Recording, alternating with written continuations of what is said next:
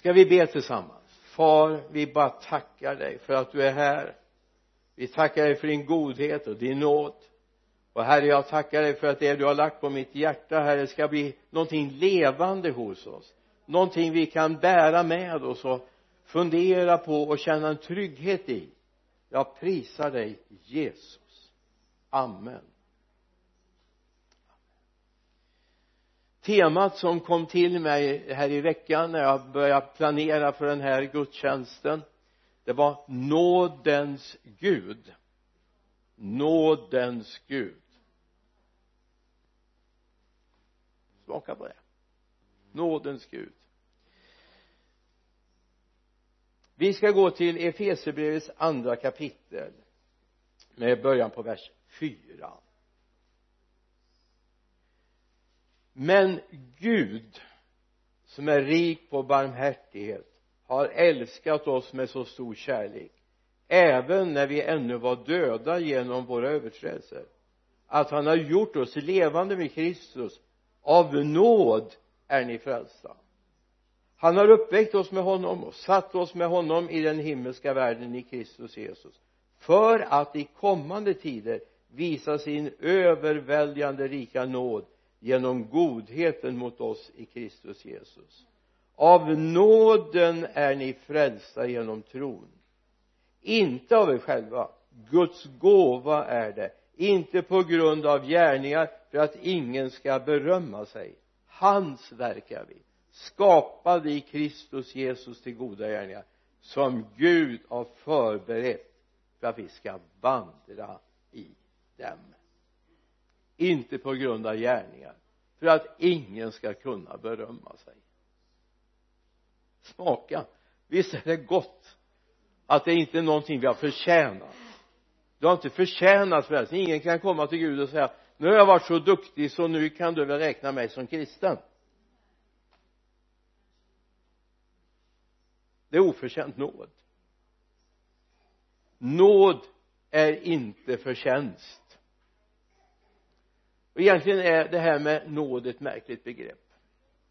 Och egentligen ett väldigt svårt begrepp för oss som är så vana vid och fostrade till att vara duktiga och vi, vi ska göra rätt för oss och vi ska verkligen visa vår bästa sida. Det är inte så vi fostrar våra barn va? Tacka och gör rätt för dig när vi skickar iväg våra barn på deras första arbete så talar vi om för dem att ta inte längre raster än vad de andra gör och helst lite kortare. Håll ut! Gör de arbetsuppgifter som du blir tillsagd att göra så att du får ett gott rykte. Och så tänker man så här också så får föräldrarna också ett gott rykte. Det ingår i paketet lite grann va? Eller hur?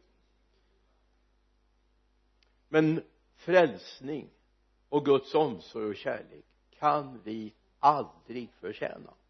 Aldrig. Nåd är inte någonting som vi kan säga att vi har rätt till. Nåd är nåd. Jag möter människor ibland som tänker så här ja men jag har väl verkligen förtjänat att vara Guds barn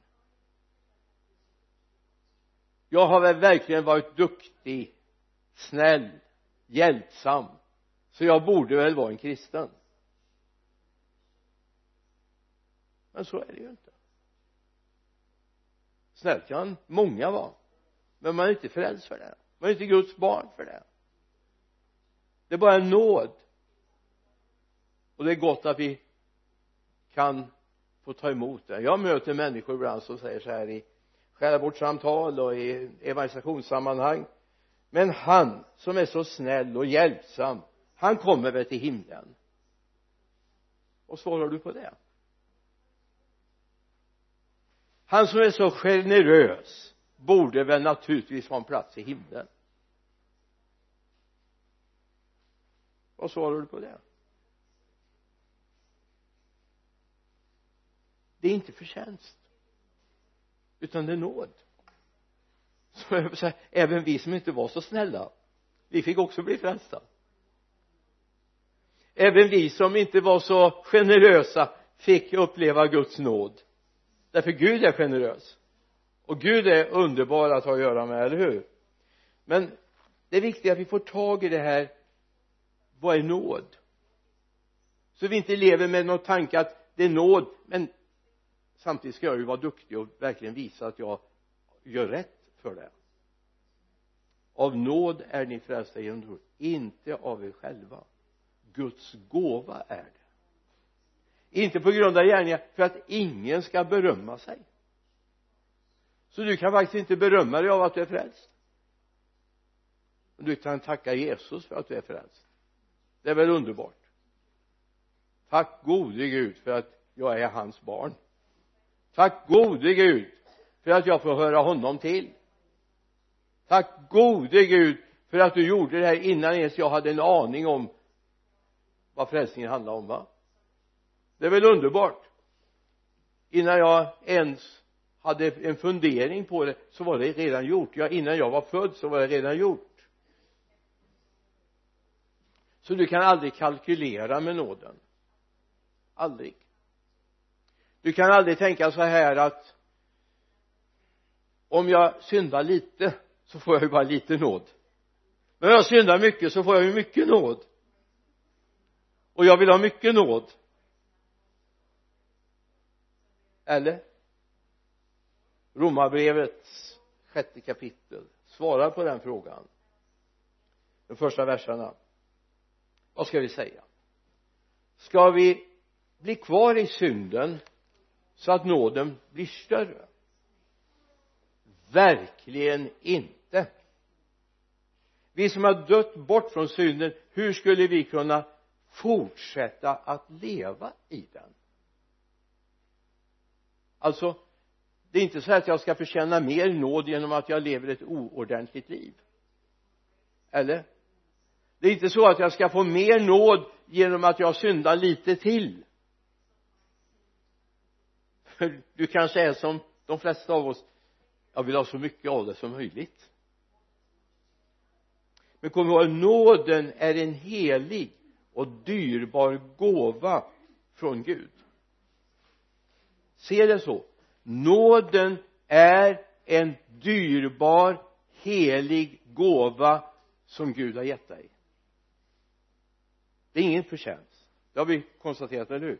Men det är en gåva som är dyrbar. Var rädd om den. Var rädd om den. Därför att det är Gud som är gåvogivaren. Och då är det viktigt också hur jag hanterar mitt liv. Jag hör ju ibland man säger så här ja ni kristna ni är alltid ett märkligt pack ni syndar på på vardagen och så går ni och biktar er på söndagen och får förlåtelse och så fortsätter ni likadant nästa vecka igen. Men så ska det inte vara. Eller hur? Så ska det inte vara. Utan det är ett nytt liv vi har fått, eller hur? Och det är viktigt att vi låter det nya livet få ta över i våra liv. Nu lever inte längre jag säger Paulus utan Kristus lever i mig. Galaterbrevet nu lever inte längre jag. Utan Kristus lever i mig. Så egentligen du vet varje morgon när du står framför spegeln på badrummet och försöker tvätta sömnen ur ögonen och börjar se hur förskräckligt du ser ut innan du har fått till håret och så vidare va? Titta in i spegeln se på dig själv och säg i dig lever Jesus. I dig lever Jesus. Alltså du säger det till dig själv. I dig lever Jesus. Och då är han kanske inte så intresserad av det yttre han är intresserad av det inre. Och det inre lyser fram i det yttre. Och det är viktigt att komma ihåg det. Det inre lyser fram i det inre lyser fram i det yttre. Så nu lever inte längre jag utan han lever i mig. Och det är nåd. Det är inte så här jag möter människor ibland och säger jag, jag är inte beredd att bli kristen. Jag har så mycket jag måste ordna till först. Jag måste fixa till det och jag måste fixa till det och du vet jag måste få lite mer struktur på mitt liv och ordning och mm, kommer ur sängen i rätt tid och aldrig behöva springa till bussen för att hinna till jobbet och så vidare. Jag, jag måste få till det här. Och du vet mitt språkbruk passar sig inte bland kristna. Nej det gör det förmodligen inte kanske. Men det är inte du som ska greja till det. Det är han. Jag tror det är viktigt att vi ser det att det är han. Så att vi inser vem det är som gör vad i våra liv. Men allt för ofta vill vi vara duktiga. Men nåd är ingen som vi förtjänar. Frälsningen förtjänar du inte. Det nya livet förtjänar du inte. Egentligen är det så att du förtjänar det inte. Men nåden ser över det. Jag ska tala om för er om en liten stund vad som är anledningen till det. Det finns en anledning hos Gud alltså varför han har sån enorm omsorg och kärlek om oss. Så enorm kärlek så han till och med lät sin egen son dö för din och min skull. Och den mest kända versen i nya testamentet tror jag bland människor i allmänhet är Johannes 3,16 ty så älskade Gud världen. Varför? Alltså det är en fantastisk vers. Men börjar vi fundera på vad det egentligen handlar om så blir det ännu mer fantastiskt det har med en Guds återställelse av skapelsen att göra. Där du är en del av hans återställelse av skapelsen.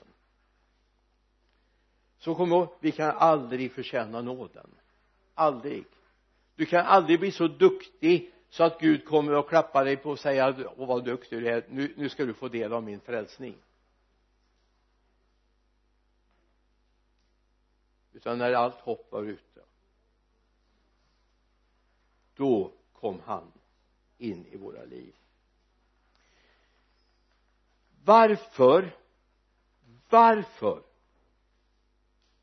har Gud gett oss en sån nåd? För jag menar ärligt talat jag menar jag kan bara gå till mitt eget liv.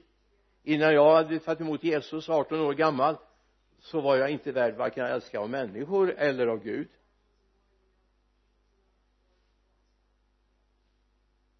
Alltså om människor har sett det som fanns i bakom i mitt liv. Jag hade en väldig förmåga att spela teater och se väldigt duktig och till och med lite from ut ibland. Det fanns ett annat liv. Så jag hade inte förtjänat det. Men nåden den sidan hos Gud är för att han vill visa sin kärlek. Nåden är hans uttryck för kärlek och vi går till Kolosserbrevets första kapitel vers 15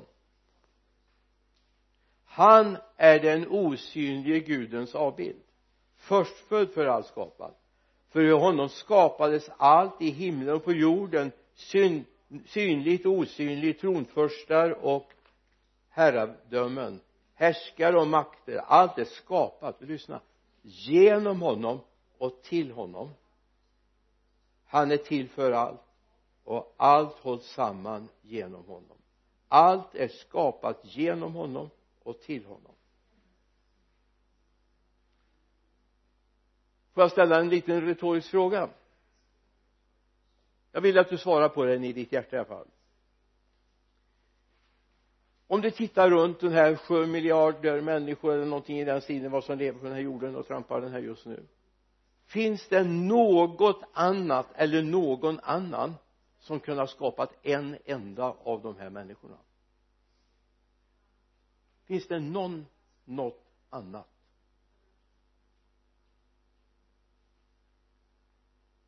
Ja men du får ha vilken evolutionsteori du vill. Men någonstans startar livet eller hur? Någonstans sätter det igång det finns bara en enda skapare. Och han har skapat alla. Både frälsta och ofrälsta. Både hedningar och eh, fromma. Både snälla och dumma. Eller hur? Han har skapat alla. Även dig.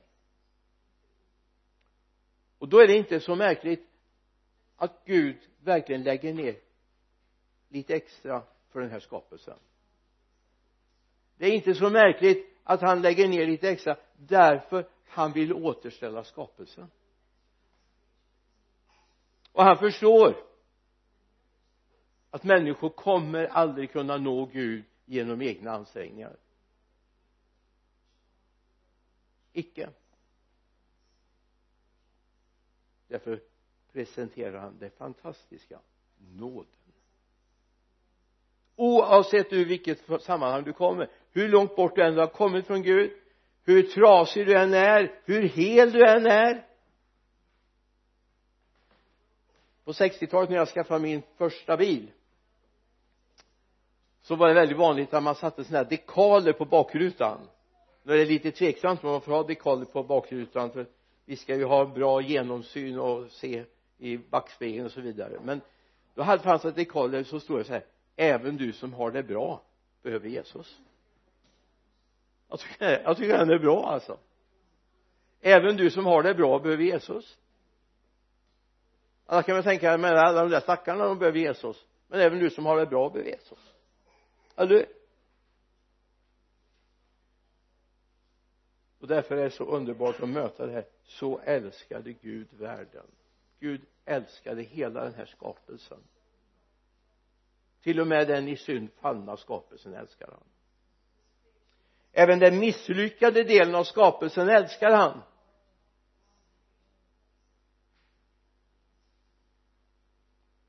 Vilket man är hungrig eller mätt. Rik eller fattig. Gud älskar dem och det är så viktigt så här så älskade Gud världen att han utgav sin enfödde son. Han hade ett motiv med det det här är ju hans skapelse. Varenda människa hans skapelse. Varenda människa tillhör honom i grunden. Allt är skapat genom honom och till honom. Editeringen är till honom. Tänk på det nästa gång du ser någon människa som du tycker är långt borta från Gud även han även hon är till för Gud. Skapad. Du är skapad med ett syfte från Gud. Vi är inte bara utslängda i den här skapelsen bara oj, oj, oj finns det människor här också? Gud har en plan.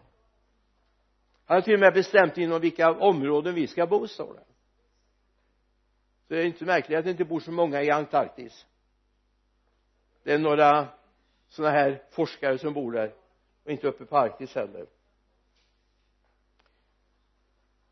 För att det är så här så står det då i romarbrevets femte kapitel verserna 6 till 8 för när tiden var inne medan vi ännu var maktlösa dog Kristus i det ogudaktiga ställe. Knappast ville någon dö ens för en rättfärdig jo kanske vågar någon dö för den som är god. Men Gud bevisar sin kärlek till oss genom att Kristus dog i dog för oss medan vi ännu var syndare. Jag vet inte om man kan uttrycka sig här men jag skulle vilja säga att alltså, jag vet att Gud är både allvetande och allvis och, och, och så här va? Men visst är det en liten chansning? Gud ger sin son. Och vet inte om han har någonting för dig egentligen. Nu, nu begränsar vi och gör vi Gud väldigt mänsklig för, för Gud har ett större perspektiv. Helt klart. Det är vi överens om va? Gud har ett större perspektiv. Men alltså han gör det här till och med innan du är född. Innan du ens har hört talas om Gud.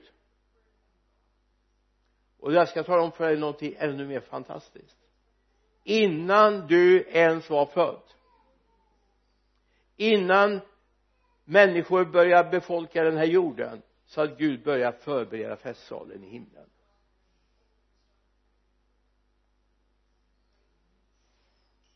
Allt är berett. Allt är berett. Så du behöver inte vara orolig. Thomas var lite orolig när Jesus i Johannes 14 talar om det här oj hur går det här? Vi ska röra lite vid det ikväll nere i Skräckland. Allt är berett. Och så kom ett ord bara och drabbade mig då på morgonen. Och jag ska väl säga på en gång då att jag inte hunnit göra en tydlig exeges på det här. Bibelordet i andra krönikebokens eh, 16 kapitel. Men det bara börjar bulta inom mig. Det var som hjärtat började slå. När, när det här bibelordet bara kom upp. Eh, nu tar jag bara för samma inte ta för mycket tid så läser jag bara vers 9 egentligen behöver man läsa sammanhanget. Men eh, du är läskunnig, eller hur? De flesta av er är läskunniga och de som inte är det läser ni för istället. Och det är en underbar uppgift. För Herrens ögon sveper över hela jorden för att stärka dem som med sina hjärtan ger sig hän åt honom. I detta har du handlat dåraktigt därför att därför ska du från och med nu ha ständiga strider. Herrens ögon kollar in. Finns det hängivna hjärtan? Som är lika hängiven som han är för den här skapelsen. Det handlar inte om att vi ska vara hängivna för oss själva. Det handlar inte bara om att vara hängiven Gud. Det handlar om att vara hängiven Guds mission. Att brinna för den här världen. Gud vill återställa ordningen. Gud vill föra människor till tro på Jesus. Det är hans absoluta längtan lyssna. Ibland även i teologiska kretsar så kan man få en känsla av att hela målet går ut på att vi ska bli helade. Hela målet är att vi ska bli frälsta. Men gör vi inte Gud väldigt liten då? Handlar om det som uppenbarelsebokens sjunde kapitel talar om. Det här är målet. Det är det hela allt går ut på. Vi läser några versar i uppenbarelsebokens sjunde kapitel vers 9 och 10 därefter såg jag och se en stor skara som ingen kunde räkna av. Alla folk och stammar och länder och språk. De står inför tronen och inför lammet klädda i vita kläder och med palmblad i sina händer och de sjung och de ropar med stark röst frälsningen tillhör vår Gud som sitter på tronen och lammet. Tänk om vi kunde växa upp lite granna och se att hela projektet frälsningsarbetet jag på att säga frälsningsarmén vilket vi väl bör vara allihopa, eller hur? Jag älskar de här fanorna som är utanför frälsningsarméns eh, eh kårlokaler. Kristus för eller Lidköping för Kristus Vänersborg för Kristus och så vidare. Göteborg för Kristus och vad det nu kan vara va? Visst det är det det går ut på. Men det går ut på att en dag ska vi stå inför tronen. Allt är upprättat. En ny himmel och en ny jord där rättfärdighet bor. Visst jag har inget emot helande. Jag har själv upplevt helande mirakulöst. Men ibland gör vi Gud väldigt liten. Och så handlar det om ett ben som är för kort eller en, en tand som verkar eller det handlar om att en dag ska vi stå inför tronen. Med en ny kropp. I en ny värld det är inte jag som är målet det är helheten som är målet. För Gud. Det är jag en del av naturligtvis. Din frälsning är en del av. Men det är viktigt att se att det finns ett annat perspektiv. I Koloss, andra Korinthierbrevets femte kapitel vers 19 Gud var i Kristus och försonade världen med sig själv. Han tillräknade inte människorna deras överträdelser och han har anförtrott oss försoningens ord.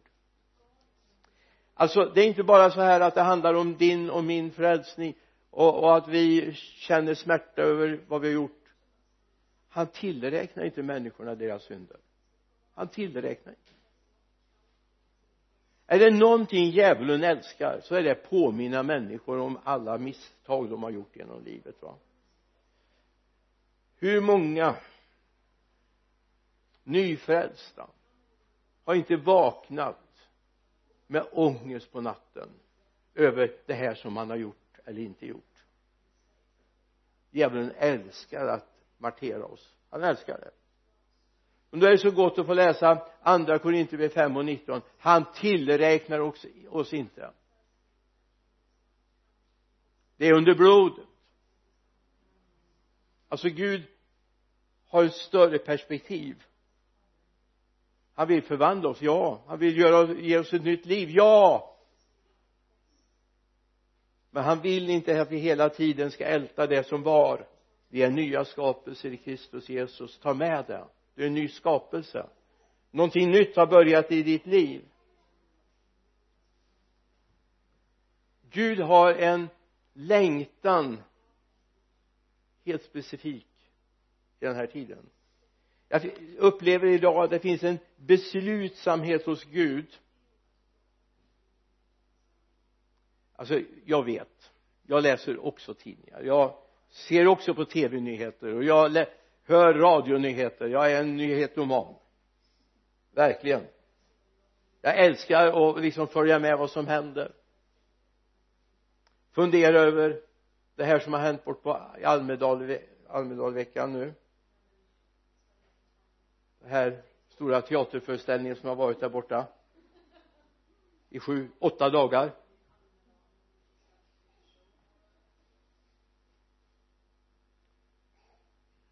Så börjar man fundera så här jaha och vad menar du med det här egentligen? Det är överbudspolitik och så vidare va? Bara vi kommer till makten då löser sig allt. Det är inte sant det är bara när han får komma till makten som det löser sig. När vi ser att det blir mer skjutningar, mer våldsövergrepp på människor så tänker jag bara varför har vi ställt Gud utanför i vårt land? Varför är det inte okej okay att be till Jesus i skolan? Det hade varit en lösning. Eftersom jag har haft så pass mycket med människor att göra så vet jag att det är inte de invandrare som kommer med annan religion som är det stora problemet. Det är de sekulära svenskarna som är problemet. Det är de som känner sig störda. Pridefestivalerna är ett större bekymmer än mycket annat som händer. Det är inte invandring som är det stora problemet. Det som drar ner Guds vrede över vårt land och över vår värld är att vi inte ser skapelseordningen jag tror det är viktigt vi ser upp med det här. Så när teaterföreställningen nu tar slut i, i eftermiddag så återgår allt till sin ordning igen. Men det som händer just nu det är en väckelse på gång över vårt land. Det är en väckelse på gång jag har längtat efter sedan jag började som förkunnare för 53 år sedan. Så längtar jag efter att få se en väckelse. Få se människor ta emot Jesus. Jag är född mitt i en väckelse. Jag är född i en situation där människor i hundratal kom till tro på några veckor i våran lilla församling. Jag satt som liten grabb åtta, nio år och dinglade med benen fram på vi fick inte sitta i bänkarna för när det kyrkan så rymde lite drygt 300 då sa brandmyndigheterna att vi får ta in max 500 och så var brandförsvaret där och såg till att räkna in hur många som kom in. Eftersom mamma var med i strängmusiken och sjöng så fick jag vara med på mötena.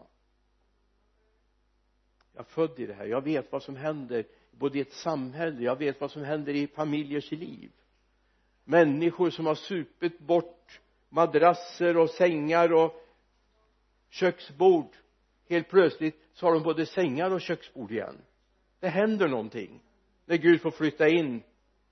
Jag längtar efter det på nytt igen. Nu ska jag ta ytterligare ett bibelord som jag inte hunnit gå igenom. Sakarja 14 ska vi gå till. Jag brukar vara lite mer noga med egentligen att kolla upp vad, vad eh, exegesen på bibelorden vi tar verserna 6 och 7 det ska ske på den dagen att ljuset är borta. Himlens ljus ska förmörkas. Det blir en särskild dag känd av Herren. Inte dag, inte natt. Men det ska ske att när aftonen kommer blir det ljust. Jag vet att man kan tolka men, men Gud bara pekar på det här när aftonen kommer och det är en aftonskymning över vårt värld då kommer Guds ljus.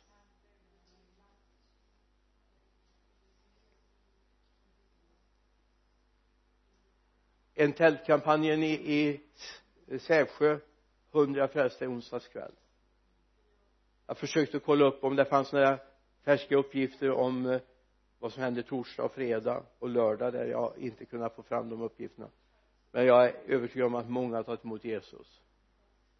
Carl Gustaf Severin intervjuades i tidningen Dagen i torsdags. Och då står han med sex unga tjejer som aldrig går till kyrkan annars har tagit emot Jesus och blivit livsförvandlade. Han sa det här, det här är fest för en pensionär att vara med. I en församling på söder i Stockholm där dopgraven i stort sett har varit tillsluten de sista åren eller de senaste decennierna. Med något litet undantag. Har börjat döpa gång på gång. Folkungakyrkan på söder på Folkungagatan. Och jag skulle kunna ge den ena rapporten efter den andra om det som händer just nu i vår värld. Och inte minst i vårt land. När aftonen kommer blir det ljust. Jag lever i det.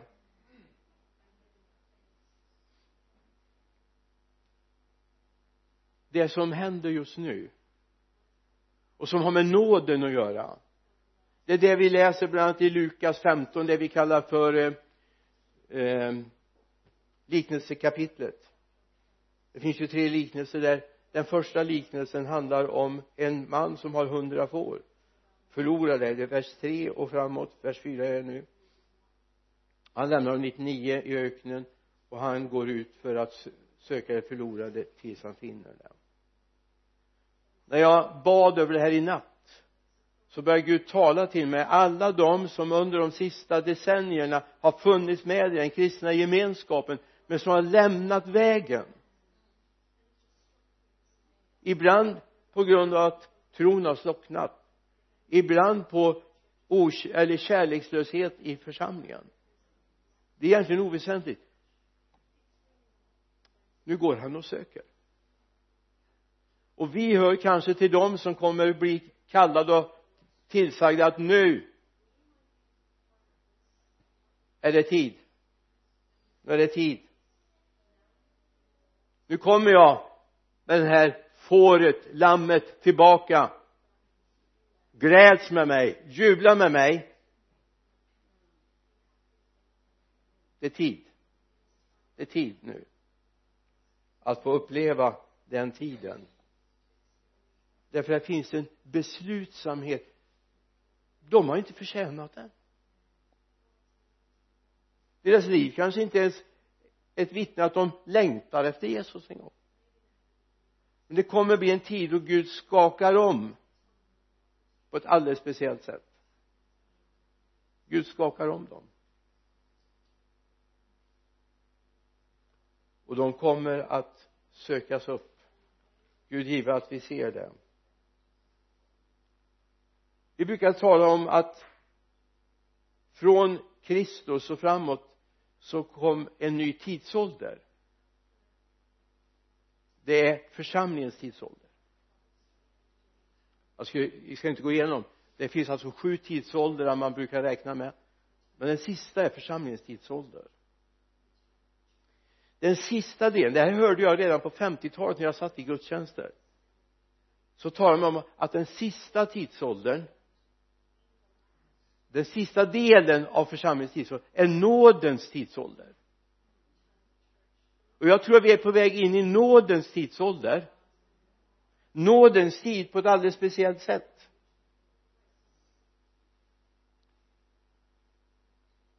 Det handlar inte om längre att en och en och, någon enstaka kommer tro. Det kommer en tid när, när Guds nåd kommer uppenbaras för människor på ett sätt som vi aldrig har sett det förut. När människor helt plötsligt upptäcker att det finns någon som har sträckt ut handen mot dem någon som vill resa upp dem någon som vill ge dem en ny möjlighet att få vandra med honom. En ny möjlighet. Det är nådens tid som vi är inne i just nu och min bön är att vi ska få smaka vad nåden innebär. Att du får tag i det. Var inte förvånad. Var inte förvånad. Att du kommer få se nya saker hända. Vi går till skräckland i eftermiddag. Det känns som om vi går in i en ny fas av vårt varande. Vi konstaterar att det är 23 år som vi går ner till skräckland i år. Vi har varit där några gånger. Men vi går in i en ny fas. Nu är det inte som det alltid har varit utan nu är det som det kommer bli framöver. Den här sommaren. Var förberedd. Ställ allt annat åt sidan. Du kommer få ta hand om människor. Du kommer få hjälpa människor de första stegen med Jesus. Den du ber för i eftermiddag till frälsning. Du har 24 timmar på dig innan du måste ha nästa kontakt.